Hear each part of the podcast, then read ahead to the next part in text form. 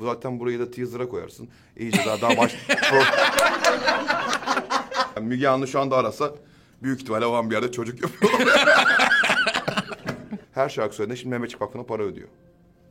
İhtarname mi çektin? Evet. Merhaba diye bir birisi geldi. Ben dedi Selen Akçıl sizin ablanızım dedi. Yüksek yerlerde oturup bakıyordum insanlara ve diyordum ki hani şimdi ben bu şarkıyı yaptım ama bir gün e, hepiniz şu an uyuyan herkes dinleyecek bu şarkıyı inşallah falan diye dua ederdim. Yani son ilişkime kadar bayağı çapkın bir çocuktum bence evet. Yani ilk kez tek eşliğim diyebilirim şu anda. Da inanılmaz bir baba oldum yani. İçimden bir anda baba çıktı yani ama son anda arabanın direksiyonunu kırdım. Anneannem çünkü yoğun bakımdaydı ve çıkacaktı iyi haber almıştık. Sinan Bey hoş geldiniz. Hoş bulduk efendim. Sadece kendi merak ettiklerimi soruyorum. İlk merakımı hemen gidereyim. Ben çok de neyi merak ettiğini merak ediyorum. çok mu fazla spor yapmaya başladınız? Ee, yani şöyle aslında çok aza indirdim. Çok aza indirince de böyle e, kilo almışsın diyenler oldu. O zaman da dedim ki çok spor yapıyorum ondan oluyor. Yani Ama aslında bir şey söyleyeyim. Böyle bazen spor çok yapınca ve bırakınca vücut iyice kendini bir toparla bir irileşiyor ya öyle olmuş. oralara doğru geldi ama küçüleceğim Arman ya. Küçüleceğim birazcık da fazla oldu yani. Değil mi? O şeyim Çünkü gitti yani. Fit, fit durum bitti. Yani fitten çok böyle daha böyle hani bir iri yarı bir kamyon şoförüne baby face bir surat yapmış gibi oldu. Birbirine, ben de hani ben, ben, ben de irileştim ama benimki şey. Ama seninki normal 200 kilo salça yemişsiniz bu yaz yani. Geçen yaz. Domates. Geçen. Yani yemekten sizinki belli ki spordan çünkü Spor, evet. çünkü yağlı durmuyorsunuz. Yok yağlı değilim ama şimdi milli takım kondisyonerini tuttum kendime. Yani e, hoca üç haftada altı kilo verdi. ben aynı devam ediyorum yani böyle hırs yaptı bana şey yapacak diye. Şimdi dergi çekimi yapacağım. Biraz böyle son zamanlarda yazdılar ya kilo aldı muhabbeti. Onlara bir cevap olarak o çekimde o zaman kadar hazırlanıyoruz işte yani. Güzel Şimdi oldu. definasyon dönemi mi? Definasyondayız evet. Eyvah. Çok kötü. Son çekimden şey fotoğraf çekimden iki gün önce su da yok. Su yok suyu. O, bravo ya. Ya takiptesin kendini yapmıyorsun ama bilgiye sahipsin yani. E canım 15 senedir gidiyorum ben de spor salonuna iyi kötü. Evet doğru söylüyorsun. İşte böyle bir şeyler var. Suyu tutmalar falan. En son gün son anda yemek yemeler, yüklenmeler falan ama bakalım hayırlısı ya. Biraz takıntılıyım bu konuda yani. Hani böyle iyi görüneyim, daha iyi olayım falan diye. Ama siz galiba bir sürü konuda takıntılısınız. Sadece spor değil. Ya, Başka evet. neler var mesela takıntılardan? Ya aslında e, aslında neye takıntılı olduğuma da takıntılıyım yani. Bunu sürekli düşünüyorum. O yüzden hani diyebilirim ki anlık gelişiyor. Böyle illa şu diye bir şey yok ama e, hani e, zaman zaman değişik takıntılarım çıkıyor ortaya yani. Ama e, işle ilgili daha çok, en çok işle ilgili herhalde. Hani daha iyi olsun, en iyisi olsun diye düşünürken şarkılarla ilgili, sahneyle ilgili falan şeylere çok takılıp. Bir de işte bu kendi kilo, boy, poz hani o şeylere küçüklüğümden beri öyle bir sıkıntı var yani. Hep yakışıklı olacağım. Ya yakışıklı olmak da değil. Eskiden çok eskiden çok kasıntı bir tiptim yani. Hakikaten. Çok böyle ilkokulda değil de ortaokulda bile böyle daha hiçbir şey yapmamışım. Michael Jackson gibi falan yürüyordum. Kendimi ne zannediyorsam o zaman yani. Ama eee ya irtibata alışık bir çocuk olarak büyüdüğüm için o irtibatı hiç zaman kaybetmek istemedim belki de. Anneniz babanız ne iş yapardı? Babam çok e, büyük bir müzisyen yani klasik müzisyen. Orkestra şefi aynı zamanda. Aa, keman virtüözü. İşte Borusan Filarmoni, e, Tekfen Filarmoni'nin kurucusu. Mimar Sinan'da konservatuarda yıllarca yaylı sazların başkanlığını görevini üstlendi. Annem de radyo programı yapıyor. 35 yıldır. E, müzik, klasik müzik. Hala. Hala evet. Annem de babamın keman öğrencisiymiş. La fa, la sol biliyorsun o muhabbetleri. Onun gibi olmuş. Öyle tavlamış yani. Bir gün denizden çıkmış şnorkerle annemi kaçırmış. Annem daha 18'e yeni bastığı zaman. Anneannem terlikle kovalamış onları falan. Ondan sonra Almanya'ya gitmişler. Orada babam bir baş kemancı olmuş bir Almanya orkestrada. Sonra Hollanda'ya ben doğmuşum.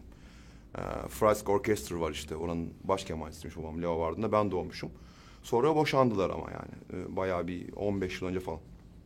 Siz tek çocuk musunuz? Yok. Biz e, şöyle söyleyeyim. Abi enteresan gelebilir ama e, net iki bürüt altıyız. O nasıl oluyor? Yani şöyle anlatacağım tabii ki enteresan geliyor. Bu arada herhangi bir politikacı gibi böyle eve gidip çay içme hikayem yok. Herhalde sıkıntı o. Formata uyması. Hayır. Tamam öyle bir şey yok. Peki anlatayım o zaman. Çünkü Ekrem İmamoğlu'nu izledim işte Kemal Bey'i izledim falan. Hepsi hani eve gidip belli bir saatten sonra kaçta yattığını anlatıyorlar. Ben hiç uyumuyorum bir kere onu söyleyeyim. Nasıl? Ama oraya geleceğim. Yani uykuyla ilgili sorunum var da. Ee, yani şöyle ablamla biz normalde iki kardeşiz. Aynı anne babadan. Aynı anne babadan. Sonra bir gün yıllar sonra eee, merhaba diye bir birisi geldi. Ben dedi Selen Akçıl sizin ablanızım dedi. Evet bizi buldu. Evde böyle bir sarılma küçüktüm hatırlıyorum ama sarılmalar alaşmalar falan oldu. Meğer babamın hani annemden önceki eşinden olma bir kız çocuğu varmış. Ondan sonra eee, peki dedik yani bağrımıza bastık tabii ablam sonuçta. Meğer annemi zaten bizden saklamışlar ama annem belli bir süre Selen'e bakmış zaten. Hani benim öz annem de bakmış ona bebekken falan. Bütün bunlar devam ederken ben ablamdan öğrendik ki ya dedi bizim bir abimiz var biliyor musunuz dedi. Facebook'tan onun resmini gösterdi ama tamamen Alman. Çünkü herhalde babamın Alman bir sevgilisi olmuş zamanında. Oradan bir abimiz oldu. Ondan sonra babam evlendi annemden sonra ve ikiz bebekleri oldu. Yani altı olduk. Ama- Bayağı Müge Anlı hikayesi gibi. Aynen öyle yani. Aynen. Babamı yani Müge Anlı şu anda arasa büyük ihtimalle babam bir yerde çocuk yapıyor.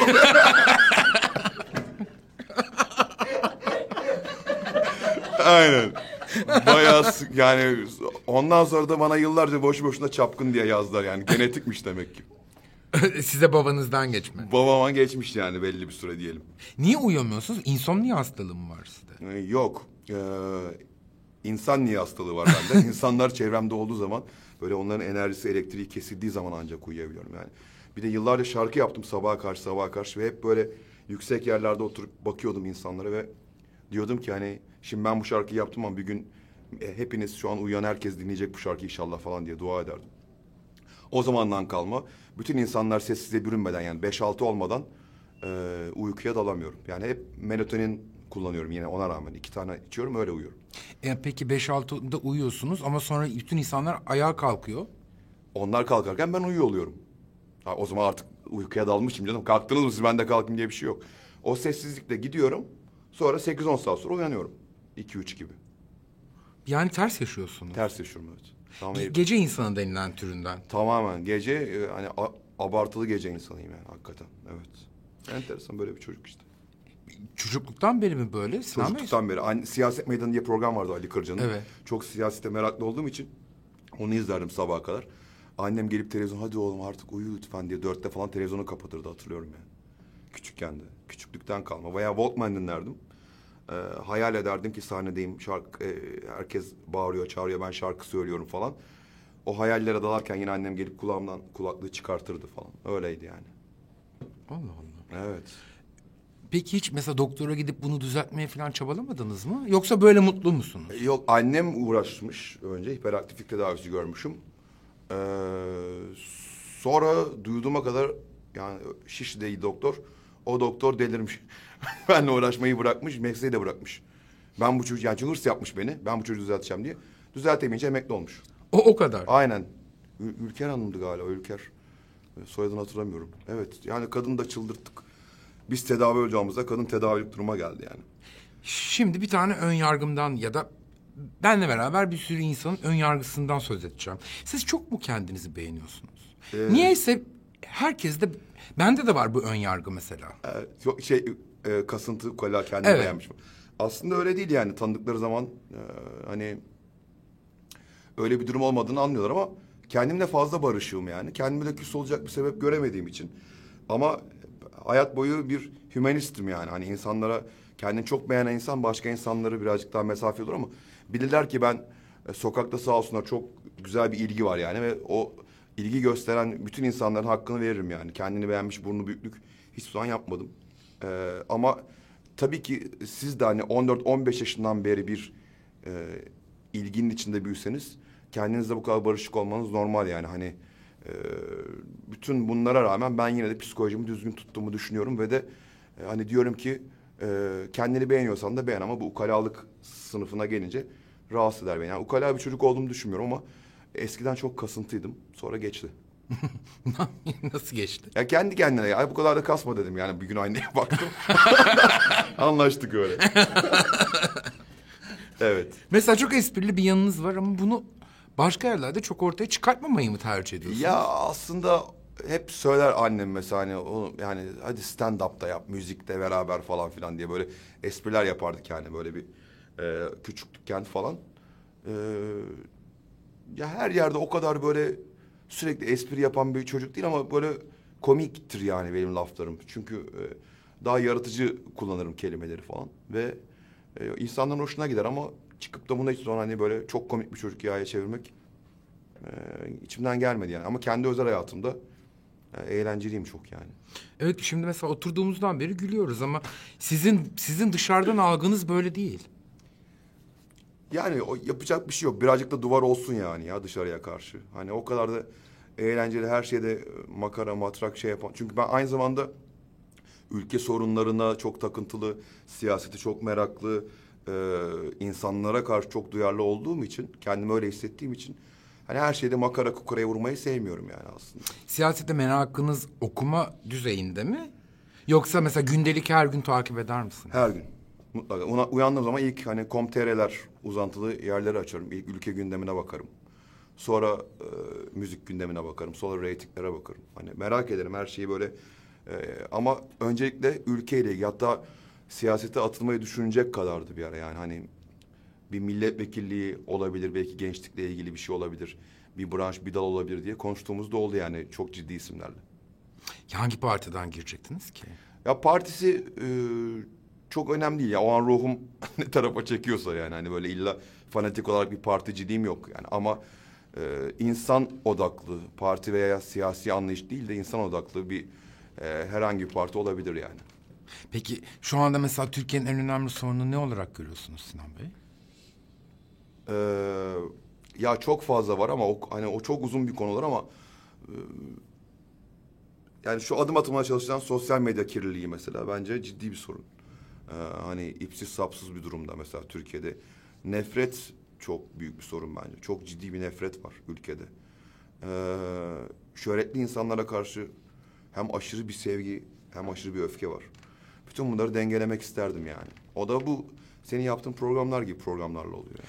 Ama bence o öfkenin altında biraz ekonomik sorunlar da var. Tabii ki var. Yani mesela geçen gün e, Fahrettin Koca'nın hesabının altına baktım.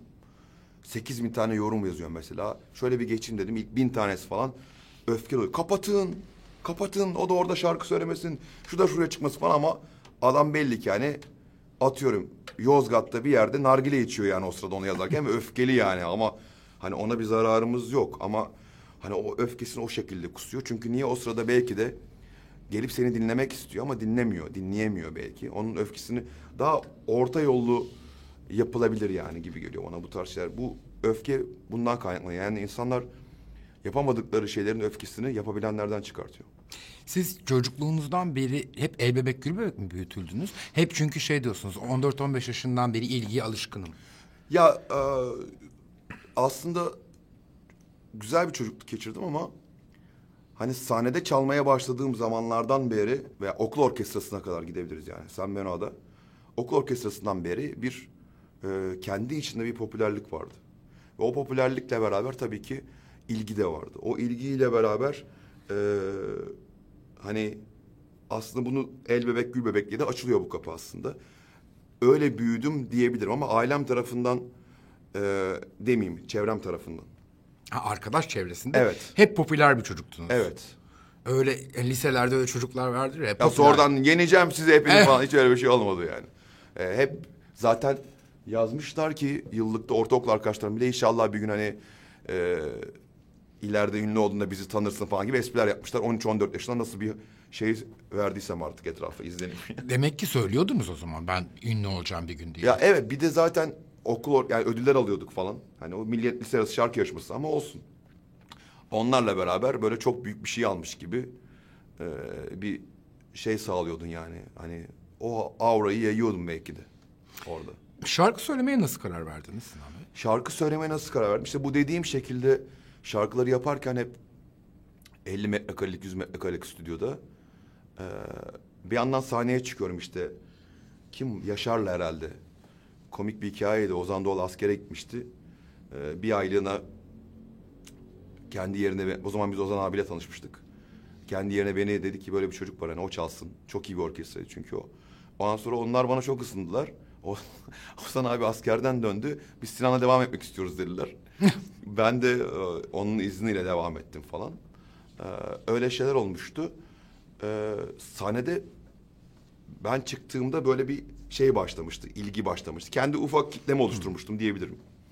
Böyle böyle derken hani şarkılar şu bu falan, Erevizyon şarkısı şu bu işte Ferhat Göçer albümünü falan, Candan'ın Zeynep Kasten diye bir kız çıkarttım falan. Prodüktörlük yaptım falan. Ondan sonra hmm, gözlemliyordum yani bazı hareketlerini ben olsam böyle yapardım. Ama çalıyorum arkada yani. Ee, sahnede piyanistik olarak varım yani o sırada. Derken Hande'ye bir albüm yaptım. 2010'du. Hande'ye neler oluyor diye. Bodrum. O elektronikten ilk pop'a tekrar dönüşü. Bodrum albümünü yaptım falan. Ondan sonra bir tane daha şarkı yaptım bir sene sonra Atma. Atma'da Hande dedi ki "Ee, gel bunu beraber söyleyelim. Yok olmaz falan ben onda tunç olacağım falan havalarındayım yani böyle. Ondan sonra hani gizemli şey adam hiç sosyal medyayı da reddediyorum falan. Ee, öyle olmadı. Gördüğün gibi aradan bayağı bir yıllar geçti. Ee, Atma ile düet yaptık. Hande dedi ki bu şarkı düet olsun. Hem o sene en çok eleştirilen hem de en çok e, sevilen şarkı oldu. Her zamanki gibi. Yüzde elli elli. Eleştiri olmadan zaten başarı gelmiyor yani. Ben onu çok seviyorum o yüzden. E, bu Naim Dilmenerler falan öyle öyle adamlar vardı. Bilmiyorum şimdi hala ne yapıyorlar şimdi ama. Onlar hep geçiriyordu bana. Ben de onlara geçiriyordum o, o boyumla, o yaşımla.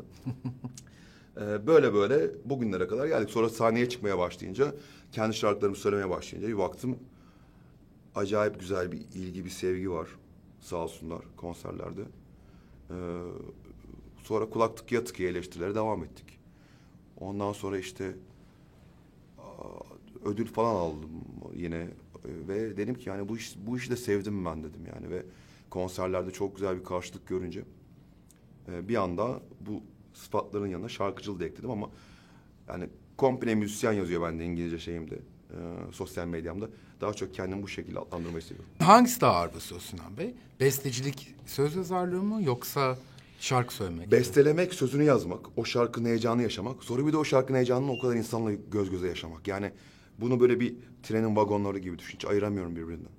Yani hepsi birbirine bağlı. Hani beste, şarkıyı yaptım o anda ona heyecanlıyım ama çıkıp söyleyince de e, yani o zaman da şarkıcılığa heyecanlanıyorum. Yani o insanlarla ya ben bunu kendi kendime yazdım ve şimdi bağıra çağrı söylüyor 50 bin kişi diye. O da başka bir duygu. O yüzden ayırt edemiyorum yani. Şeyi nasıl ayırt ediyorsunuz? Bir şarkı yapıyorsunuz mesela. Çok güzel şarkı. Siz de şarkı söylüyorsunuz. E klasik bu soru soruluyor tabii. Anladım dedim. nasıl ver, nasıl vedalaşıp Ya hiç veriyorsunuz? şöyle ya? bakmıyorum yani. Hani zaten sahnede ben sırf kendi şarkılarımı söylüyorum. Söz müzik sanatçıları söylüyorum. Bir arada sıra diye ben söylesem Ajda'dık gibi olmaz. Veya biri bana gelsin Ferhat'tık gibi olmaz ama unuttukları bir şey var ki tabii tabii şarttır şarttır atma gibi şarkıların toplamı 500 milyondan fazla. Yani yarım milyar YouTube izlenmesi. E ben de farkındayım ki insanlara verdiğim şarkılarla kendi söylediklerim arasında tabii ki uçurum var. Ama beni sevenler, konserlerime gelip emek verenler, o daha teenage kitle dediğim kitle o şarkılardan hoşlanıyor. O yüzden eee, daha fazla izleniyor mesela o çok meşhur olan şarkılarımdan aslında. Benim tabii tabii şarkılarım, atmam fark atıyorum gibi şarkılar. O yüzden e, ot kutur gibi düşün bunu yani. Onun üzerine diktiğim zaman zaten onun oluyor o şarkı. Ve asla başkasını öyle tınlamıyor ama benim bir şarkımda, benim söylediğim şarkıda onda çok komik durur.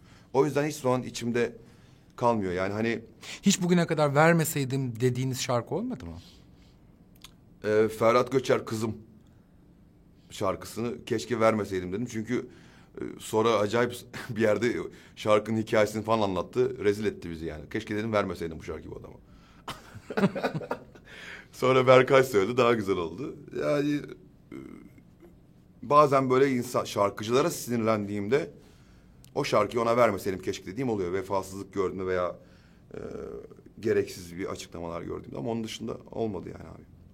Evet. Yani aslında bu e, şarkı verince e, bir de şarkıyı alanın hayatına dikkat etmesi gerekiyor anladığım kadarıyla. Ya hayır öyle Siz bir sinirlenmeyin katı, diye. Hayır katı kurallarımız yok zaten. Aldıktan sonra alıyor o şarkıyı zaten ama E, ikinci şarkıya gelemiyor o zaman işte yani anladın mı? O şarkı için yapabileceğim bir şey kalmıyor zaten artık almış oluyor ama. Ya bu bir emek ve bu bir omuz omuza bir yürümek ya. O yüzden birazcık daha dikkatli olmak gerekiyor yani. Hani benden önce ve birkaç arkadaşımdan önce söz müzik yazarlığı bu kadar e, ön planda bir iş değildi. Yani isimlere hiç dikkat edilmezdi ama biz de ön plana çıktığımız için şarkıcılar olarak birkaç söz müzik yazar arkadaşım da şimdi söz müzik yazanlara daha fazla saygı duyuluyor. Siz de kendinizi çapkın olarak tanımlıyor musunuz? Ee, ben yani son ilişkime kadar bayağı çapkın bir çocuktum bence evet. Yani ilk kez tek eşliğim diyebilirim şu anda. O- Ondan önce Değildim yani. şimdi bir sürü e, kad- Ama ne yapayım yani şimdi zaten burayı da teaser'a koyarsın. İyice daha daha baş pro- program yayınlanmadan zaten kopar olay yani. Evet aklınızdakini okudum değil mi? ama şimdi Ah, teaser, verdi. ama teaserlık bir laf ettiniz. Ben ne yapayım? Aynen. Bazen şimdi mesela e, bilerek de yaptığım oluyor ama mesela bunu bu, bu anda ağzıma çıktı. Açıkçası bunu planlamamıştım. Ha, hep planlayıp yaparsınız. yani yaparım bazen öyle şeyler. Hani bunun nereye gideceğini bilirim ama bunu da bilemedim yani. Nereye gidecek bakalım. Şu anda o son ilişkiniz devam ediyor mu? evet Burcu'yla devam ediyor. Zaten evlendik, boşandık. Evet. Tekrar beraberiz şimdi. Ondan Ben sonra... de bunu hiç anlamıyorum. Boşanacak kadar birbirinize sinir olup sonra nasıl bir daha birbirinizi sevdiniz? Ya e, e, bizimkisi inatlaşmaydı yani. İnatlaşma olduğu için. Yoksa hani belli bir sebep olsa bir de asla bir araya gelmezsin zaten hani. Önce bir oh be diyorsun boşandığın için. Rahatladım ya falan. Sonra bir hafta geçiyor. 10. gün falan filan. Dedim ki yani olmadı. Bu sefer öyle tahmin ettiğim gibi olmadı. O yüzden dedim ki tekrar deneyelim. Gel biz bu işi. Ondan sonra bazı planlar yaptım. ve o planlar e, rayında gitti yani oldu. Neye inatlaştınız Sinan Bey? Boşanmaya gidecek kadar. Ya sevemedik biz şeyi yani ben hani evlisin, evlisin. Sen de ondan sonra evlisiniz falan filan böyle hani hakikaten o derler ya o baskı varmış. Aa, Hakikaten varmış o baskı. Birbirimize çok ters gittik yani hani her şeye zıtlaştık falan. Ee, e, kıskançlıklar falan girdi devreye tabii. Ondan sonra ama e, oluyormuş yani bazen de böyle filmlerdeki gibi oluyor yani. Enteresan tabii. Gerçekten filmlerdeki gibi. Evet. Ee, ama en çok sinirlendiği şey bazen Burcu'nun şey... e, hayat arkadaşı yazıyorlar şu anda mesela. Sevim Emre miyim ben diye.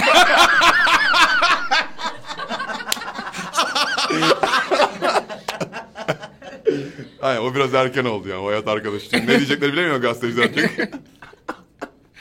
Ama Sevim abla doğru Sevim abla hep öyle ya yazar. tabii, çok severiz onu tabii ayrı bir şey ama biraz erken oldu o hayat arkadaşı. Hani bir hani bir 40 yıl falan devam etse anladın mı? 9 ay zaten evli kalmışız.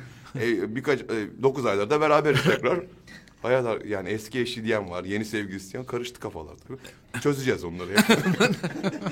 Planları aldım diyorsun. sıfatları, sıfatları çözeceğiz. Planları aldım. Aynen.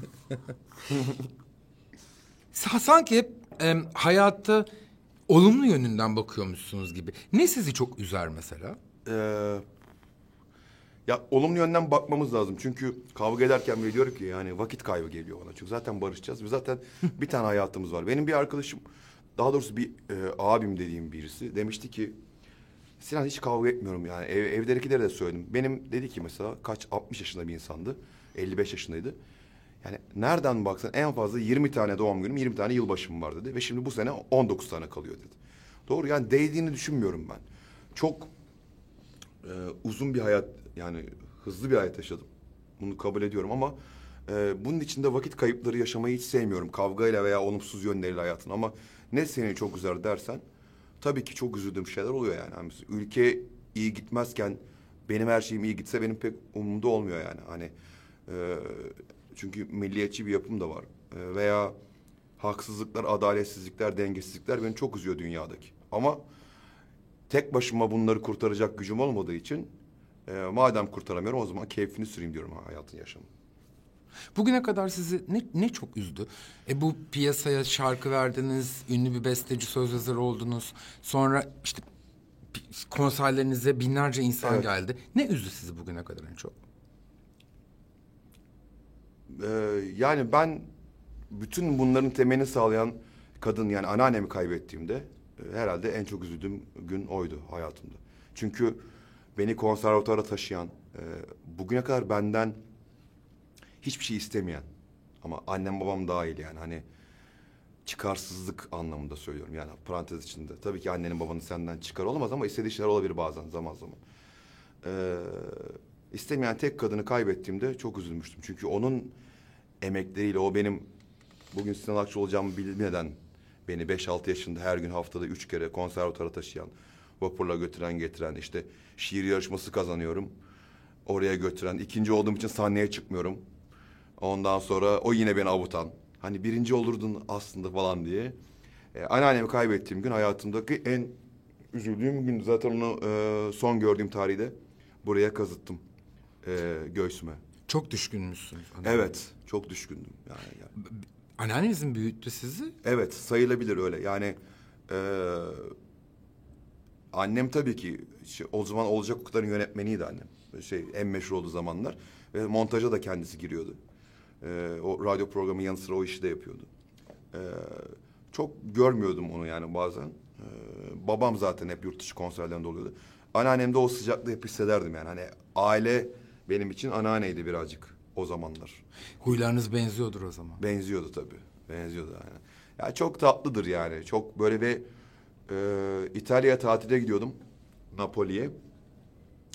Giderken son anda arabanın direksiyonunu kırdım. Anneannem çünkü yoğun bakımdaydı ve çıkacaktı iyi haber almıştık. O zaman ben gidebilirim dedim. O, e, ondan sonra fakat içimden bir şey dedi ki kır direksiyonu dedim. Direksiyonu kırdım havaalanına giderken dedim ki gidelim bir. O Gördüm. E, sonra kötüleşmiş. Ee, o yüzden zaten öldüğü, vefat ettiği günü değil de o son gördüğüm tarihi e, yaptırdım, kazıttırdım göğsüme. Ee, ama mutluyum. Mesela Sapanca Açık Hava konserime gelmişti. En azından birkaç bir şeye şahit olabildi.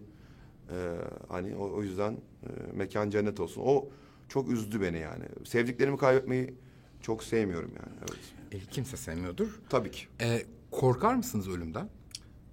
Korkmam. Ölümden korkar gibi yaşamadım hiçbir zaman yani. Ee, doğduğunu nasıl hatırlamıyorsun, öldüğünü de hatırlamayacaksın. Çünkü hep öyle düşünürüm. Yani hatırlamazsın zaten. Ama hani öleyim diye bir derdim yok. inşallah ölmem. E tabii ki. yani erken ölmem inşallah. Sıra, sıralı olsun isterim. Kuşkusuz. Evet. Aynen. Hep e, siz ünlü kadınlarla birlikte oldunuz. Evet. Acaba düşünüyorum benden sonra ünlü olan kadın oldu mu? o, evet biraz öyle. aralarda bilinmeyen de tabii e, kişiler de oldu. Bilinenlerin evet yüzde 99'u ünlü diyebiliriz. Mesela Sinan Bey orada şöyle bir hesap kitabı oluyor mu? Şimdi bir dakika ben bu kadına çok aşık oldum ama çok ünlü.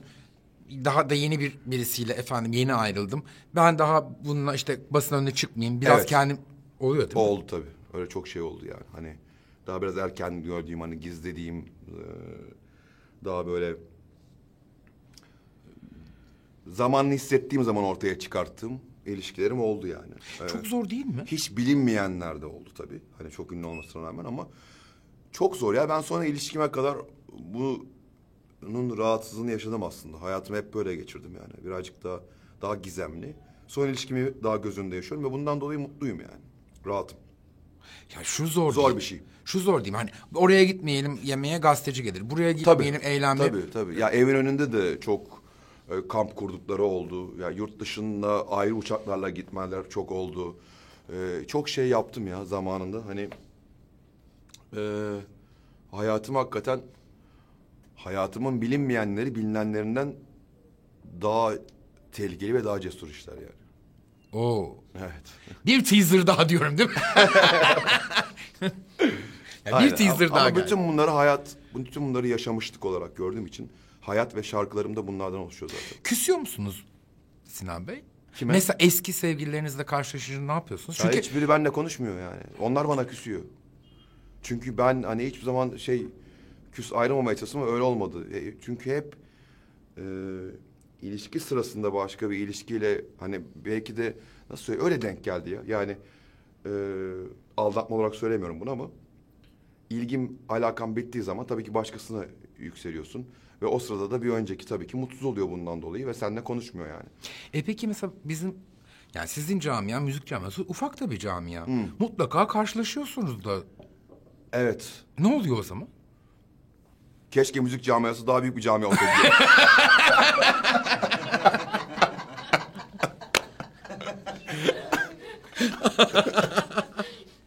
Aynen.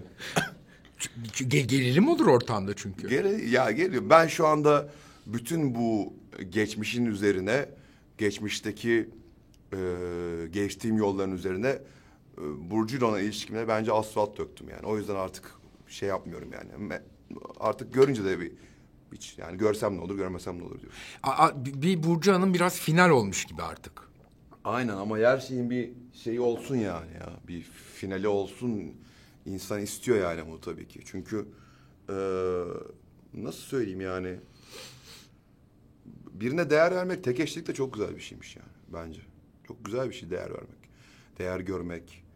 eee, korkmak. ins- birini kaybetmekten korkmak.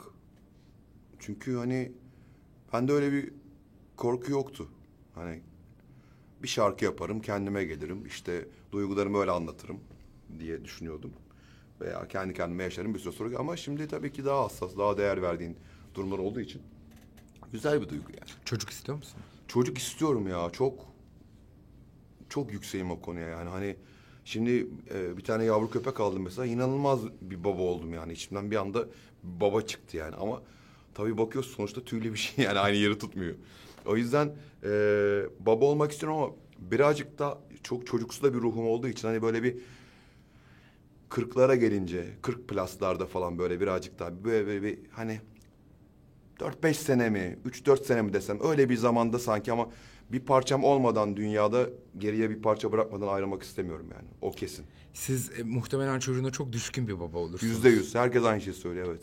Çok e, o konularda biraz obsesifim yani. Hani nasıl bir obsesiflik bu?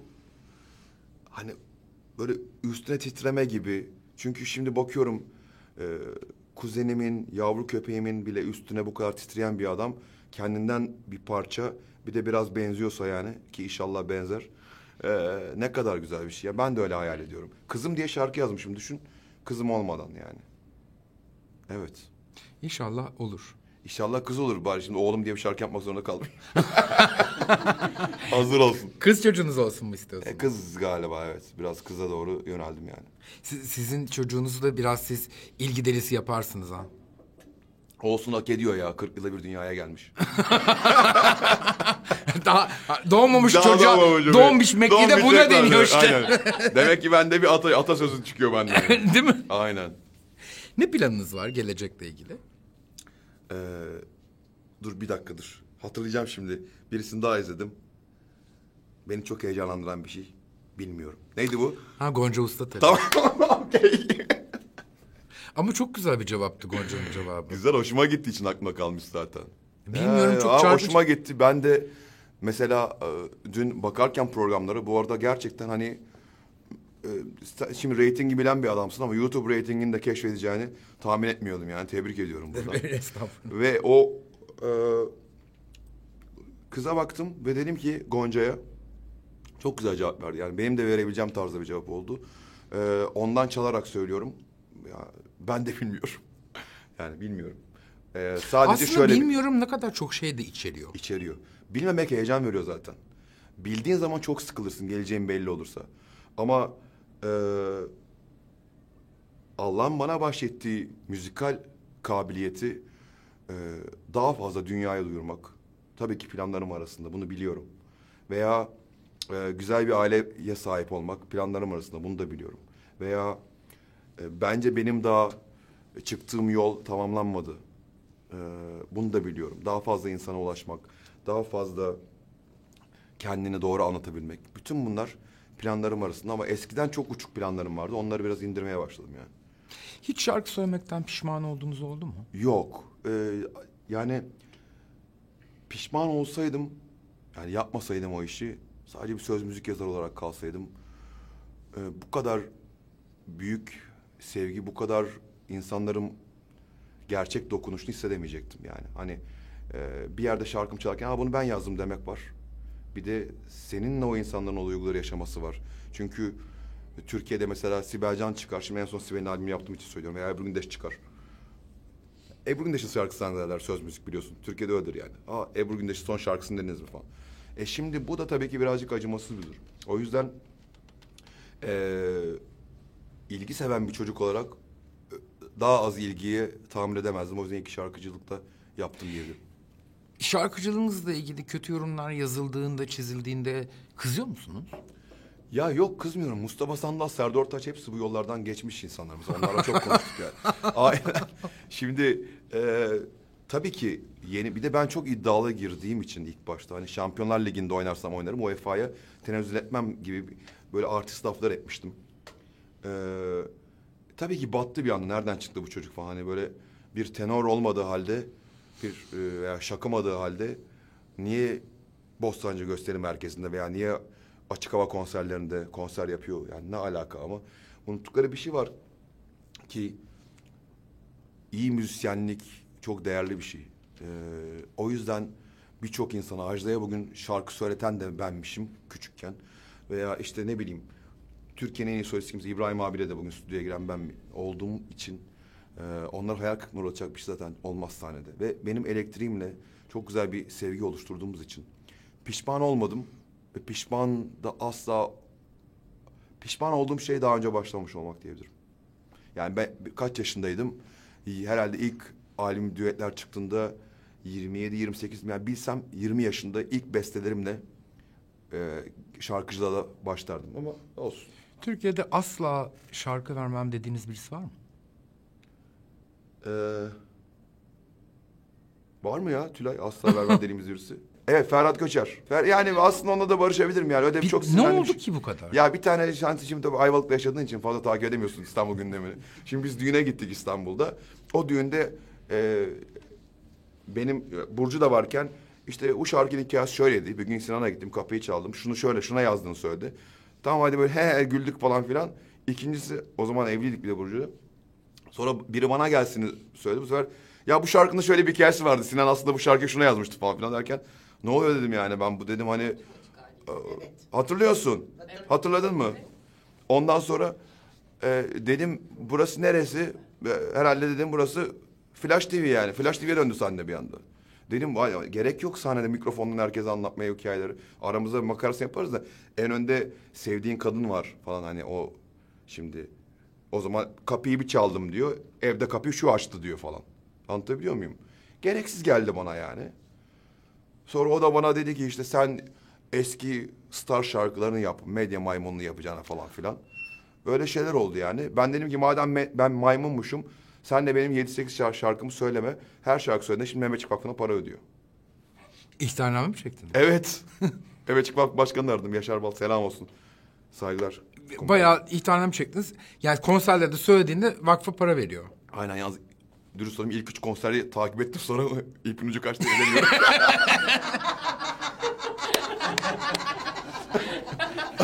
Vallahi baktıramıyorum yani. Ya ama buradan sesleniyorum tekrar vicdanın varsa öde o parayı.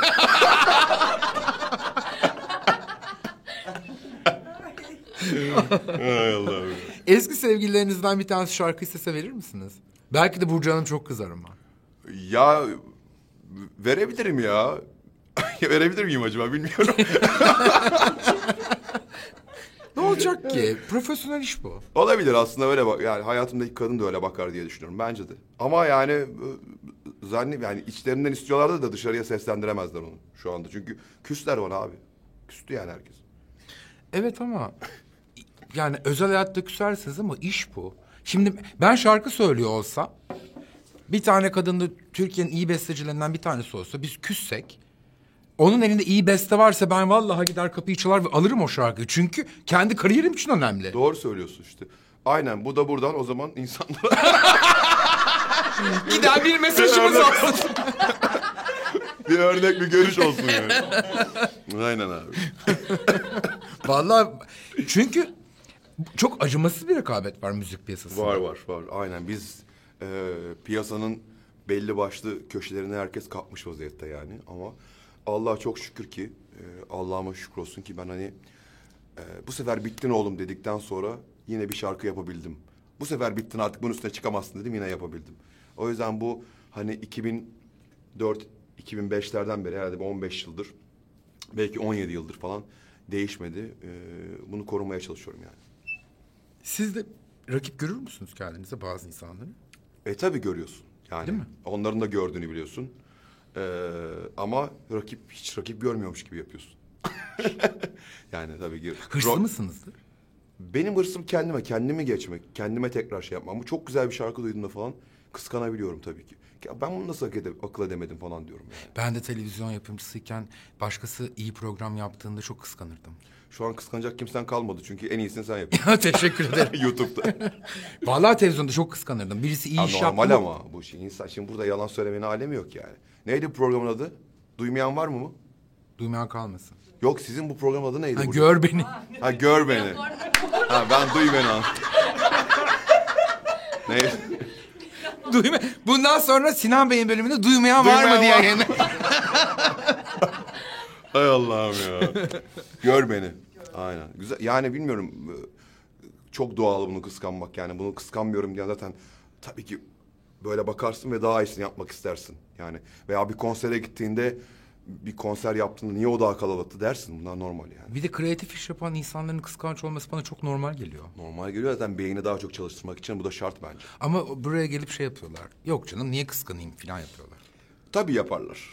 aynen, aynen. Yani e, işte politikacıları da aldım biliyorsun. Zaten çok politik bir cevap oldu da oradan geliyor herhalde. yani e, kıskanır. Bence daha çok oy alan bir partinin başkanını da bir e, ikinci çıkan partinin başkanı tabii ki kıskanıyordur yani. Bu Ya- her şeyde geçerli. Ama kreatiflikte ekstrası var. Yani Aynen. ben uyuyamam. Bunu nasıl ben düşünemedim diye uyuyamam. E, evet. Ama bir süre sonra uyumak zorundasın ki daha iyisini yap. Çok çok keyif aldım. Sizi böyle tanımak e, gerçekten çok enteresan. Evet güzel yani ben e, o yüzden zaten bu programı e, çok e, seve seve kabul ettik. Yani çünkü e, daha böyle rahat evde gibi konuşabiliyorsun ve hani e, sonuçta çok değerli bir e, yönlendiricisin bence sen. Teşekkür hani, ederim. Hayatında çok kişiye e, emeğin olduğunu düşünüyorum. O yüzden burada da birçok insanın gerçek yüzünü çıkartmak da yine bir değerli bir şey yani. Çok teşekkür Yani ederim. gör beni. Evet. Gördün Geldiğiniz beni. Al gördün beni. Geldiğiniz için çok teşekkür Ben ederim. teşekkür ederim. Sağ Sağ olun. ol. Çok keyifliydi.